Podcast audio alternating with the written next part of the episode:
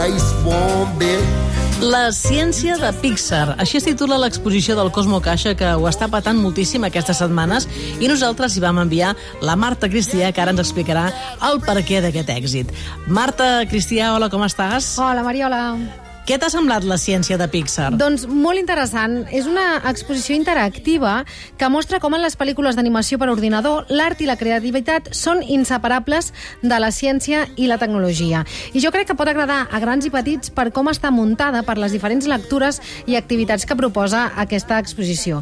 Nosaltres vam poder fer una visita guiada amb Valentí Ferràs, que és director del Cosmo Caixa, i ens ho explicava així. Realment, per fer unes pel·lícules d'animació com les de Pixar, només es pot fer amb la participació de la ciència ciència. I el que va lograr Pixar va ser posar a treballar junts els creatius la, les persones que fan els personatges a nivell plàstic amb els eh, científics, programadors, matemàtics, i aquí es va produir la gran conjunció. O sigui, el creador li deia als científics què volien fer, què necessitaven fer, els científics feien els softwares, les aplicacions, i a partir d'aquí, a més a més, tornaven a posar un repte en els creadors, perquè els creadors veien que allò que havien creat els seus companys de taula, perquè estaven junts treballant, els hi donaven moltíssimes possibilitats i el resultat el, el coneixem tots, no?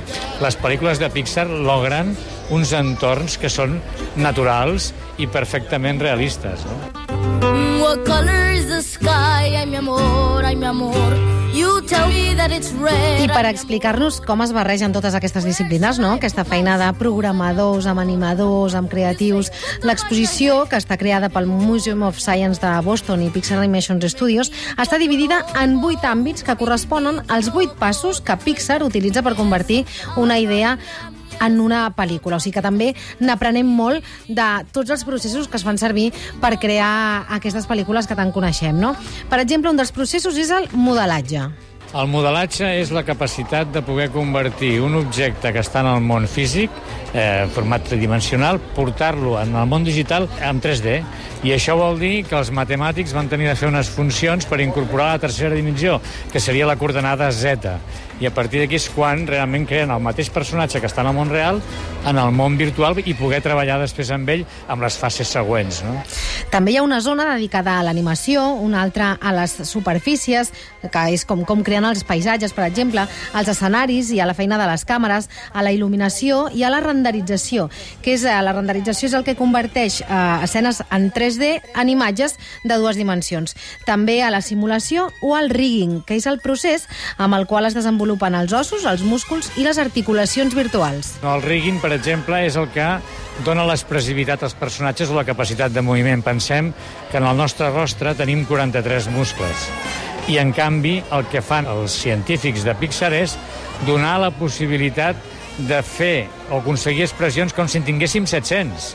Per tant, la mobilitat que té el, el creador plàstic a les seves mans amb el software que van crear aquests matemàtics i aquests eh, programadors és que pot fer una expressivitat enorme. I d'aquí ve que després aquests personatges ens sedueixen tant, no? O també ens podem anar doncs, a, a les superfícies. Què distingeix un dibuix el que seria una bola de billar o una pilota de tennis? Moltes vegades això té a veure amb la llum, i el que fan els físics aquí, en combinació amb els matemàtics i amb els creadors de software, és simular qualsevol objecte a partir de la llum que rep i la capacitat que té aquest objecte de tornar a emetre aquesta llum. I a partir d'aquí es creen les textures capa a capa i per això podem veure, per exemple, en el cas dels cotxes, doncs podem veure aquests cotxes doncs, quan s'han fet vells, o un que està rovellat, o un que està lluent, i això és simular exactament la realitat a través de, de la ciència.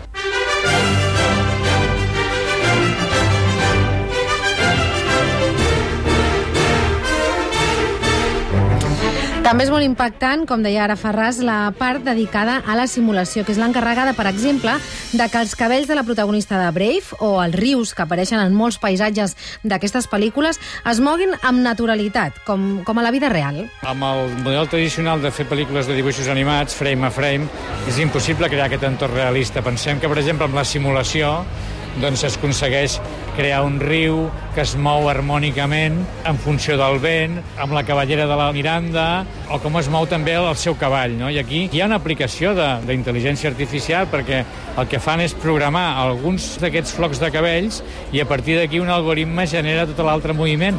I aquí és on també tenen en compte les altres forces, que són les forces de la gravetat, també la llum, la intensitat, i a partir d'aquí es crea aquest realisme i que ha seduït a tanta gent i segueix seduint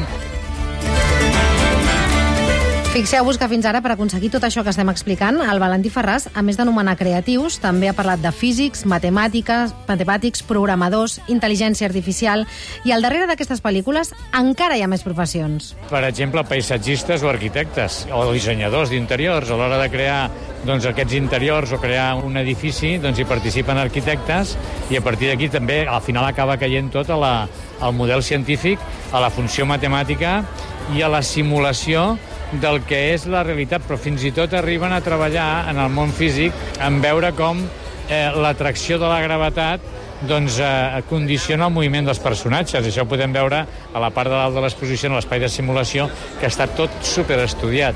És una feina eh, interdisciplinar el que porta aquesta exposició és com si haguéssim tingut l'oportunitat d'anar-nos als estudis Pixar i estar amb ell.